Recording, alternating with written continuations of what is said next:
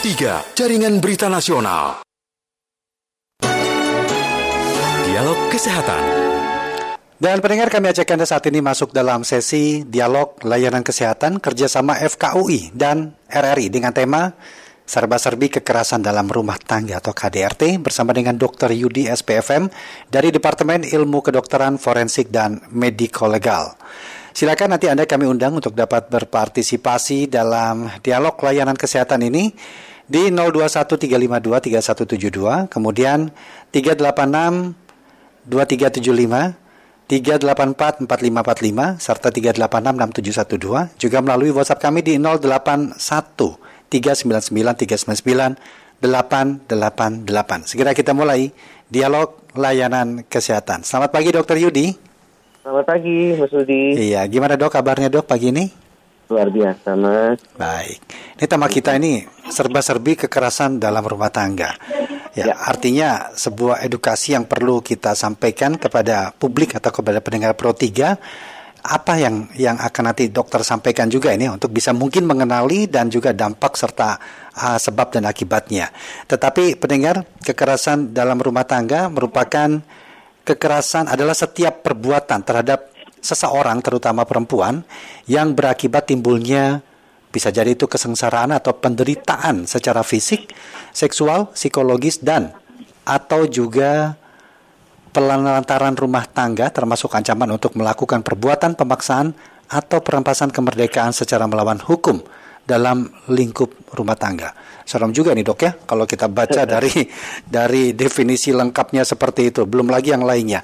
Nah di awal dialog kita ini sebenarnya apa yang yang kita perlu tekankan terkait dengan serba-serbi kekerasan dalam rumah tangga ini dokter Yudi? Ya baik mas tadi sudah disampaikan per definisi ya, ya. mengenai kekerasan dalam rumah tangga itu apa. Jadi kalau hmm. kita lihat di dalam uh, definisinya itu sendiri memang tidak disebutkan bahwa kekerasan dalam rumah tangga ini hanya mengenai kaum perempuan, ya. dan uh, kaum perempuan sebagai korban gitu ya. Walaupun memang paling banyak mayoritas itu adalah kaum perempuan, tetapi di dalam faktanya itu bisa saja ada korban-korban yang berasal dari kalangan lelaki, dari hmm. kalangan suami, dari kalangan anak-anak laki dan segala macam. Jadi itu bisa uh, terjadi korban itu tidak hanya melulu soal perempuan.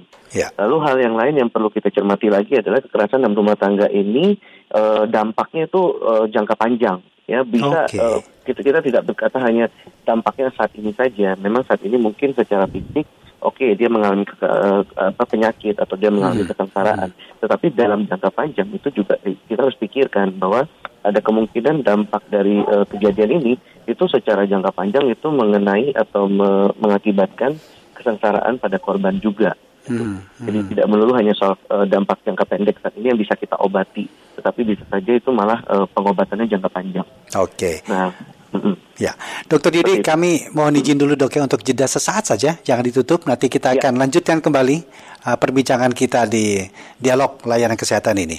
Dan pendengar kami ajak Anda menuju ke ruang gatekeeper kami untuk mengikuti informasi singkat berikut ini.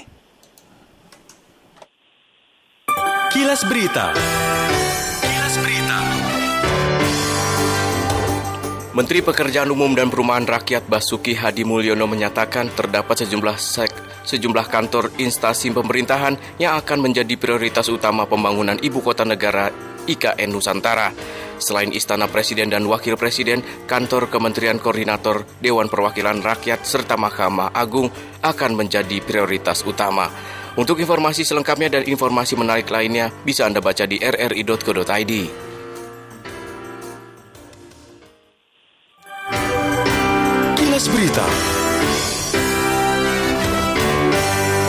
3, Jaringan Berita Nasional. Dialog Kesehatan. Ya, kita lanjutkan dialog layanan kesehatan serba-serbi kekerasan dalam rumah tangga bersama dengan Dr. Yudi SPFM dari Departemen Ilmu Kedokteran Forensik dan Mediko Legal. Silakan nanti kami undang Anda untuk berpartisipasi, berinteraksi bersama dengan narasumber kami di 021 352 3172, 386 2375, 384 4545, 386 6712, WhatsApp kami di 081 399 399 888. Baik, dokter, tadi dikatakan kan memberikan dampak yang cukup luas dok ya. Baik itu ya. yang yang penting adalah siapa yang menjadi korban dalam KDRT ini sendiri. Dampak ya. umum atau yang mungkin jangka pendek atau jangka panjang ini apa saja dampak dari kekerasan dari KDRT ya. ini, Dok? Tadi kalau misalnya disebutkan oleh uh, Mas Udi bahwa uh, per definisi itu kekerasan dalam rumah tangga itu bukan hanya fisik ya Mas, ya. fisik, seksual, juga, iya. psikologis ya. mm -hmm. dan juga termasuk penelantaran rumah tangga. Ya. Nah jadi kalau kita bagi uh, apa namanya dampaknya itu juga dampaknya uh, terga, ter, apa uh, terkategorikan sebagai dampak fisik, dampak psikologis, mm -hmm. dampak seksual dan juga dampak dari uh, penelantaran tersebut. Yang paling umum kita bisa lihat itu dampak psikis dan juga dampak uh, apa namanya uh, fisik ya fisik oke okay, kita mungkin bisa lihat ada luka-luka pada korban ini. Secara jangka pendek luka tersebut apakah yeah. bisa sembuh atau bisa disembuhkan atau tidak. Ada luka-luka tertentu yang mungkin akan menimbulkan dampak jangka panjang misalnya patah tulang. Patah tulang itu kan tidak segera mas. Begitu kejadian patah besok langsung sembuh gitu ya. Yeah, dia perlu yeah. waktu bahkan kadang-kadang berbulan-bulan untuk bisa sembuh. Hmm. nah itu secara dampak fisik oke okay, kita mungkin masih bisa obati masih bisa uh, apa uh, treatment uh, treat ya luka-luka tersebut. Tapi yang mungkin agak sulit ini adalah dampak psikisnya mas dampak psikis ini kan kita tahu ya psikologis yeah. kita kalau misalnya sudah terganggu itu pengobatannya atau treatmentnya itu tidak tidak cepat gitu kadang-kadang butuh waktu yang panjang butuh pendampingan uh, secara intens mm -hmm. gitu ya nah ini yang uh, sebetulnya mengakibatkan uh, apa beban tersendiri bagi korban untuk mengalami pemulihan mm -hmm. uh, kondisi psikologisnya kalau fisik seksual itu dalam tanda kutip itu relatif mungkin masih lebih bisa uh, segera ditangani yeah, gitu, yeah. dibanding dibanding uh, apa dampak fisik seperti itu mas. Ya, mungkin tidak semua orang uh, dok ya berani menceritakan kondisi yang dialami atau menjadi korban KDRT bahkan disimpan begitu lamanya dan akhirnya dampak itu sudah menjadi yang yang bisa dikatakan yang sudah sangat sangat Betul. berbahaya sekali. Nah, apa ya. hal atau dampak yang berbahayanya jika hal-hal seperti ini dibiarkan, dok? dampak psikologis yang uh, yeah. yang cukup ber, uh, berbahaya ya kalau misalnya kita uh, simpan terus-terusan apakah korban itu misalnya menimbul, uh, mengakibatkan sampai mengalami depresi berat. Depresi berat itu uh, salah satunya bisa menjadi uh, kejadian bunuh diri nah bunuh diri bahwa korban ini akhirnya tidak kuat lagi menghadapi uh, tekanan hidup akhirnya mengakhiri hidupnya seperti itu Lalu dampak lain secara uh, ilmu psikiatri atau kejiwaan itu bisa sampai menimbulkan gangguan jiwa yang berat. Oh, Apa sampai gangguan itu misalnya menimbulkan skizofren yeah, atau misalnya yeah. gangguan uh, bipolar dan segala macam itu bisa uh, masing-masing orang beda-beda ya. Ada yang iya. mengakibatkan yeah. depresi, ada yang mengakibatkan skizofren dan yang lain. Yeah. Tapi itu yang cukup berat. Tuh. Bagi orang sekitarnya bisa tidak dok melihat adanya dampak-dampak itu pada diri seseorang? Bisa uh, mm-hmm. kita bisa lihat bisa identifikasi walaupun tidak mudah ya karena kadang-kadang di era zaman saat ini kita juga melihat tetangga itu uh, kita kan nggak bisa tiba-tiba mencampuri urusan rumah tangga orang yeah. gitu ya yeah. nah jadi ini yang kadang-kadang menjadi faktor penyulitnya adalah kita tidak bisa mengintervensi atau menemukan kasus ini dari awal padahal sebetulnya kalau kita cermati itu gejala-gejalanya bisa kelihatan misalnya kalau kita hmm. mengalami gangguan jiwa depresi gitu ya kan kita akan mulai melihat orang ini kok tiba-tiba menghilang ya nggak suka bergaul lagi gitu ya tiba-tiba okay. menarik diri gitu kayaknya ada sesuatu yang uh, berubah dari orang tersebut nah itu sebetulnya udah indikasi awal kita yeah. melihat ada sesuatu gitu ya lalu kalau misalnya kita lihat lagi pada saat dia berjalan uh, atau uh, berdampingan dengan pasangannya gitu semua serba diatur gitu. kayaknya kalau dia mau ngomong ngomong salah sedikit tuh bisa ditegur atau hmm, dimarahi yeah, yeah. atau bisa di nah jadi semua perbicaraan itu akhirnya didominasi oleh pasangannya ini juga sebetulnya sudah salah satu indikasi bahwa ada sesuatu yang mungkin kurang pas dari uh, dari hubungan ini gitu ya. Hmm. Orang yang selama ini kita kenal secara terbuka, dia bisa diskusi, bisa ngobrol panjang lebar dengan kita, tiba-tiba dia suddenly berubah suddenly yeah. berubah. Nah, Perilakunya berubah drastis begitu dok ya? Berubah. Hmm. Lalu kalau misalnya kita lihat bisa saja kita temukan ada indikasi luka-luka ya. Yeah. Walaupun mungkin dia mengakunya ini jatuh, ini kebentur, ini apa, tetapi luka-luka itu tersebut juga merupakan satu indikasi bahwa kemungkinan besar ini sudah mengalami suatu kekerasan dalam rumah tangga. Apa yang bisa kita lakukan ketika kita melihat orang sekitar kita itu terjadi perubahan perilaku yang belum tentu juga kan dok ya mengarah ke sana, tapi Betul. kita put, patut untuk uh, ya mencurigai, mencurigai ya, hal itu. Mencurigai. Apa yang bisa kita hmm. lakukan itu?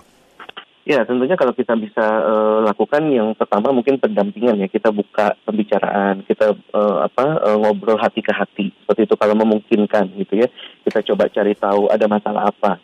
Kan sebetulnya yang paling uh, mudah kita masuk itu dari uh, pendekatan uh, teman ke teman gitu ya, ngobrol lalu kalau misalnya ada masalah kita curhat dan segala macam itu sebetulnya sangat membantu untuk menghilangkan uh, tekanan-tekanan ataupun stres di dalam rumah tangganya. Lalu hal yang kedua yang mungkin saya pikir juga kita perlu lakukan adalah kita mulai uh, apa namanya kita lihat apakah memang dampak ini sangat luar biasa atau tidak gitu ya mhm. mengganggu sekali nggak dalam kehidupannya dia atau korban ini sangat tersiksa nggak kalau misalnya sangat tersiksa saya rasa kita sudah mulai uh, coba pikirkan untuk masuk ke dalam ranah hukum untuk diproses secara hukum okay. gitu ya dilaporkan ke polisi dilaporkan ke lembaga-lembaga NGO yeah, uh, yang yeah. biasa menangani seperti ini itu mereka mengerti salurannya seperti apa yeah. seperti itu mas baik kalau penegakan hukum kan berarti proses penyelesaiannya dari si pelaku itu sendiri tetapi kan yang lebih penting adalah bagaimana fokus mengembalikan atau memulihkan Betul. kembali dari si korban. Ini ada ada tahapannya nggak dok? Misalnya, oh ini masih masih awal cepat untuk bisa ditangani atau memang yang sangat sudah seperti tadi mungkin disinggung yang sudah begitu lama sehingga mendapatkan perlakuan yang super khusus untuk kasus-kasus seperti ini. Ya, saya pikir ini kita lihat tergantung dari kondisi korbannya ya mas. Kalau korban itu misalnya gangguan jiwanya masih cukup ringan dan tanda kutip belum terlalu berdampak e, besar pada hidupnya, itu mungkin akan penanganannya e, bisa berobat jalan seperti itu. Tapi kalau misalnya sangat sangat khusus sekali dia sampai menimbulkan apa udah berusaha untuk mencoba membunuh diri dan segala macam itu tentu akan menjadi indikasi rawat. Hmm. Nah ini semua akan diputuskan oleh tim tim dokter gitu ya. Tim yeah, dokter. Yeah. Jadi salurannya tentu ini harus diproses lalu uh, diperiksakan ke dokter ya kalau misalnya di di Jakarta sendiri saya rasa sudah cukup baik uh, sistemnya gitu kalau misalnya ada uh, lembaga yang disebut dengan P2TP2A itu bagaimana mereka mengolah suatu yeah. kasus ini bisa menjadi ada pendampingan-pendampingan psikolog, yeah. pendampingan dokter dan lain-lain itu sudah sangat baik sih di Jakarta. Baik. Kalau secara psikis apakah KDRT atau secara verbal itu juga bisa berdampak yang sama, Dok? Iya, jadi kalau kita lihat kan tadi pendam, uh, apa kekerasannya tadi kan bisa terjadi secara psikologis ya. Psikis ya. ini hmm. psikis ini bisa berawal dari kata-kata, dari obrol, dari, dari omongan ya. ya. kekerasan verbal seperti itu. Nah, itu bisa. Oh. Jadi setiap hari orang dikatain bodoh, yeah, uh, apa yeah. namanya bego, yeah. polos, itu akan berdampak pada dirinya. Hmm. Betul. Akan berpengaruh kepada psikologi dari si korban yeah. itu sendiri ya. Baik dokter, mungkin di akhir perbincangan kita apa yang bisa dokter sampaikan lah untuk kita semua sebagai pegangan, ya kita jangan melakukan hal ini dan kalau kita melihat sekitar kita ada yang dicurigai seperti itu, apa yang harus kita lakukan? Silakan dok. Ya, jadi kalau untuk uh, pesan saya mungkin buat teman-teman atau audiens yang mendengarkan ini bahwa kekerasan dalam rumah tangga ini sebetulnya kasusnya cukup banyak dan itu tidak hanya melibatkan kaum perempuan saja, bisa melibatkan seluruh uh, gender gitu ya. Dan jangan lupa satu hal yang tadi mungkin perlu saya sampaikan adalah yang termasuk ke dalam korban kekerasan, kekerasan dalam rumah tangga itu bukan hanya keluarga, tetapi juga termasuk asisten dalam rumah tangga karena itu tidak ada di dalam undang-undangnya. Iya. Nah, jadi ini perlu diperhatikan kita sebagai majikan, kita sebagai orang pemberi kerja itu juga tidak semena-mena gitu bisa memperlakukan asisten rumah tangga kita. Lalu bila mana kita menemukan ada korban-korban yang seperti ini, tentu kita harus melakukan pendekatan-pendekatan secara personal terlebih dahulu sebelum kita masuk ke dalam ranah hukum dalam ranah hukum nanti tentu ada kan ada salurannya, pelaporannya bagaimana, pendampingannya bagaimana, termasuk soal treatmentnya nanti seperti apa. Itu semua ada salurannya, Mas. Iya. Dokter Yudi, terima kasih banyak dok ya sudah meluangkan waktu berbincang dalam dialog layanan kesehatan dan mudah-mudahan ini sangat bermanfaat buat kita semuanya, dok. Terima kasih ya. dokter. Ya. Terima kasih. Ya, selamat, selamat pagi. pagi. Ya, demikian tadi pendengar dialog layanan kesehatan dengan tema serba-serbi kekerasan dalam rumah tangga atau KDRT bersama dengan Dr. Yudi SPFM, Departemen Ilmu Kedokteran Forensik dan Mediko Legal.